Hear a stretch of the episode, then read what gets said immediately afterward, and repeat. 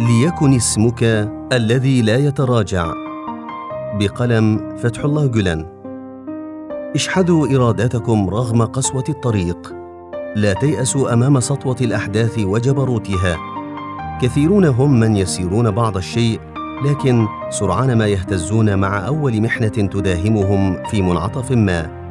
يضعفون يخافون يتضرعون بالحذر والحيطة والتيقظ ثم يتنحون جانبا. يبتعدون عن كل منغص يفضلون السلامه يخلدون إلى الراحة. لكن السلوك الصحيح ليس هذا. الحبيب المصطفى صلى الله عليه وسلم لم يفعل ذلك. أعوذ بالله من أن أسلك دربا لم يسلكه الحبيب المصطفى صلى الله عليه وسلم.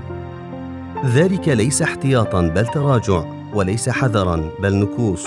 وليس تيقظا بل غفله بل إن فاجأتكم المخاطر في ألف منعطف فاثبتوا في مواقعكم ورددوا معي هذه الكلمات.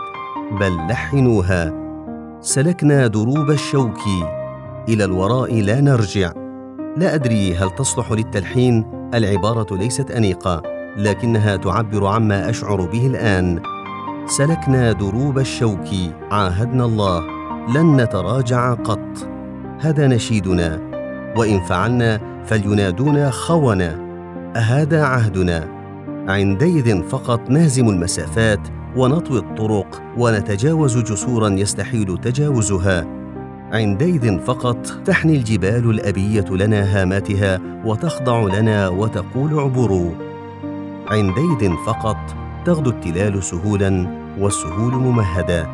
ولكن ينبغي عقد النية اولا. عاهد الله على عدم النكوص رغم غدر الزمان وخذلان الصديق وجفاء العدو وحقد أهل الجبروت وليكن اسمك الذي لا يتراجع.